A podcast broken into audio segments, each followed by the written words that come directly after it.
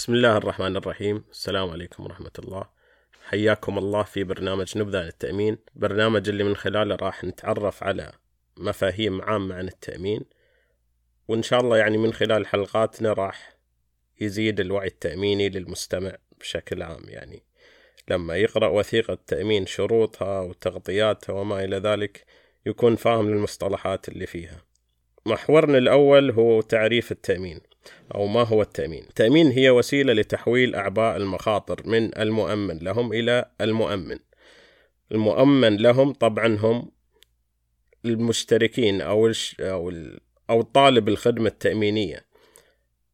أما المؤمن هو شركة التأمين وبعض ال... في بعض أنواع التأمين يكون البنك نفسه هو مقدم الخدمة التأمينية.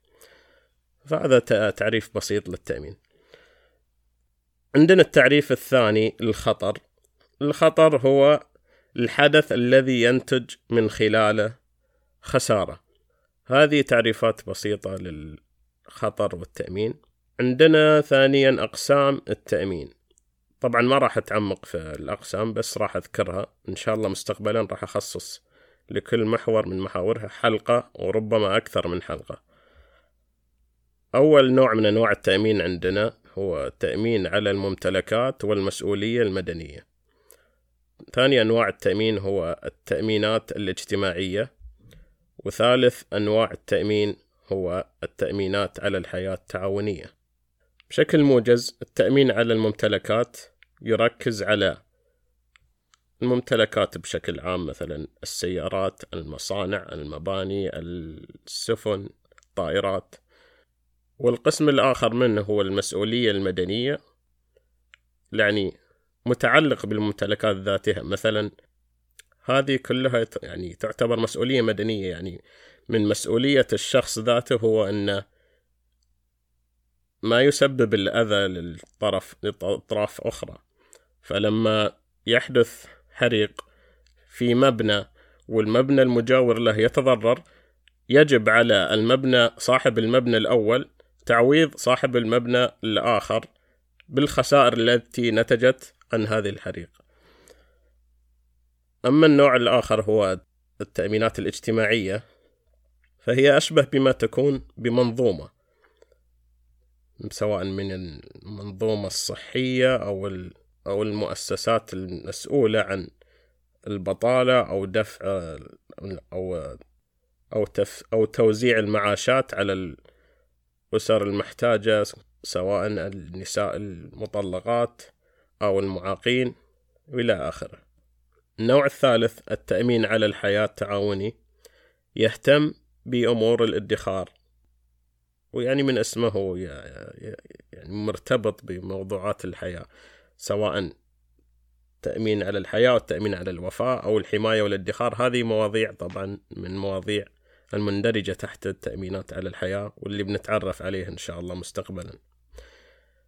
أخيرا عندنا مصطلحات يعني ضروري نفهمها ونعرفها عشان مستقبلا لما الحلقات القادمة يعني يكون نمشي يعني بشكل واضح وبسيط والكل يفهم ما يحتاج أرجع وأوضح مصطلحات من جديد. خلاص إن شاء الله تكون فهمتها من هذه الحلقة.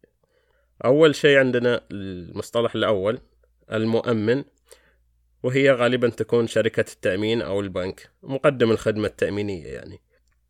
المؤمن له هو الشخص المتعاقد مع المؤمن على وثيقة التأمين. وممكن يكون شخص اعتباري أو شخص طبيعي. اعتباري يعني ممكن يكون شركة أو منظمة. طبيعي يعني فرد كأي فرد من أفراد المجتمع. المصطلح الثالث عندنا المؤمن عليه وهو موضع التأمين. ممكن يكون سيارة أو ممكن يكون وهو موضع التأمين. يعني في حال في تأمينات السيارات تكون السيارة هي موضع التأمين. في تأمينات الحريق يعني حسب ال... حسب موضع التأمين. ممكن يكون سفينة أو ممكن يكون طائرة أو مبنى. ففي حال كان سفينة السفينة هي تكون موضع التأمين. في حال تأمين على السيارات السيارة هي تكون موضع التأمين. رابعا المستفيدون. وهو الشخص الطبيعي أو الاعتباري الذي تؤول إليه المنفعة المحددة في وثيقة التأمين. يعني الشخص المستفيد بعد ما يتم التعاقد على وثيقة التأمين مصطلح الخامس عندنا وثيقة التأمين أو بوليصة التأمين وهو العقد الذي يتعهد بمقتضاه المؤمن بأن يعوض المؤمن له عند حدوث الضرر أو الخسارة المغطاة. المصطلح السادس عندنا الأقساط هو الاشتراك أو السعر الحصول على خدمة التأمين. المصطلح السابع عندنا مبلغ التأمين وهو مسؤولية المؤمن القصوى وهو القيمة المذكورة في الوثيقة التي على أساسها يحدد أو يحدد القسط التأمين. مثلا في وثائق تأمين السيارات ممكن يكون الحد الأقصى أو مبلغ التأمين عشرة مليون.